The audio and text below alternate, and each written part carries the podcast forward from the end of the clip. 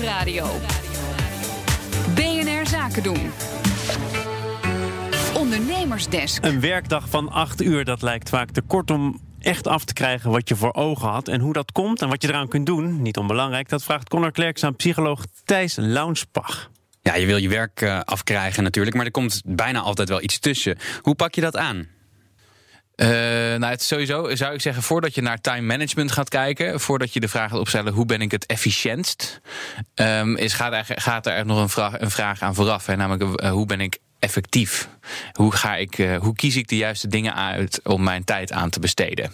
Uh, efficiëntie gaat over de vraag hoe kan ik zoveel mogelijk dingen in zo kort mogelijke tijd doen. Effectiviteit gaat over de vraag hoe deel ik mijn tijd zo in en waar kies ik dat mijn tijd naartoe gaat en mijn energie naartoe gaat. Um, maar als je het over die, die andere vraag hebt, efficiëntie, waar we het nu over hebben, hoe je de tijd het beste kunnen, kunt managen, dan zijn er wel een paar tools voor. Een van de dingen die ze, die ze zeggen daarbij, daar ben ik het eigenlijk wel enigszins mee eens, is je, is niet heel handig als je 100% van je werkdag indeelt of nee. plant.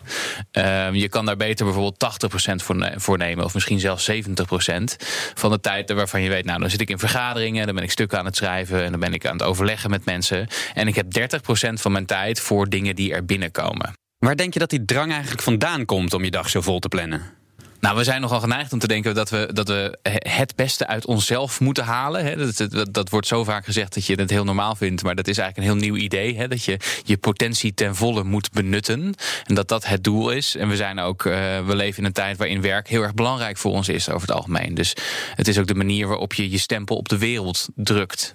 En het is ook vaak een heel belangrijk onderdeel van onze identiteiten geworden. Op de lange termijn speelt er ook niet, nog iets anders dat ook belangrijk is. Namelijk dat je het op een manier doet waarop je het op de lange lange termijn gezond en gelukkig vol kunt houden. Ja. En dat is ook onwijs belangrijk. En dat gaat soms een beetje in tegen um, onze neiging om het maximale uit onszelf te halen altijd.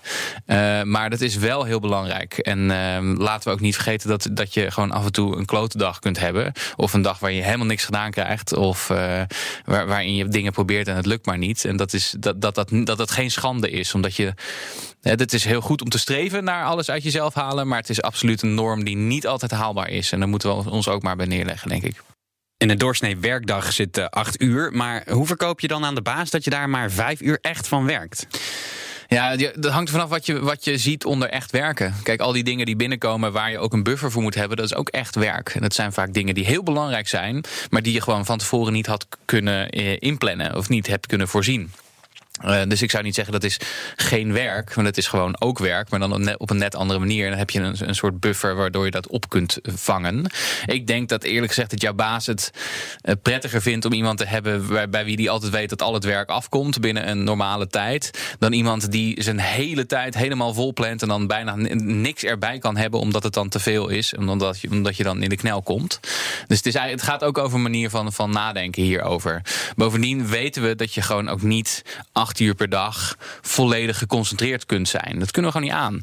Dat is wel waar we op, op afgetraind zijn op, on, op school en op onze opleidingen. En dat, het idee dat we vaak hebben. Maar je kunt je niet acht uur per dag concentreren. Dat gaat gewoon niet. Hoe bepaal je nou hoeveel werk genoeg werk is in een dag?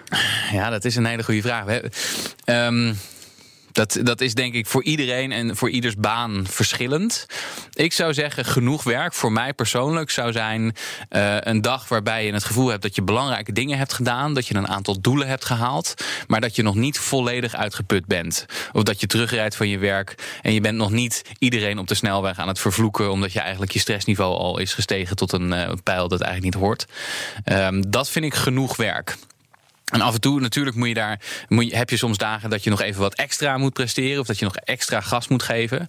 Um, maar uh, je, kunt, nogmaals, je kunt je norm niet op 100% leggen. Uh, het is veel verstandiger om die op 90% te leggen. Of misschien zelfs op 80%. Dat dat een gewone goede dag is. Want als, je dat, als dat een patroon is waarbij je het op de hele lange termijn kunt volhouden. Dan is dat veel meer waard dan je nu opblazen op de korte termijn. Connor Klerks in gesprek met psycholoog Thijs Launsbach. Wil je nou meer horen uit deze ondernemersdesk? Je vindt alle afleveringen terug als podcast via onze site of de BNR-app. Ondernemersdesk werkgeluk wordt mede mogelijk gemaakt door Effectory. Effectory. Listen, learn, lead.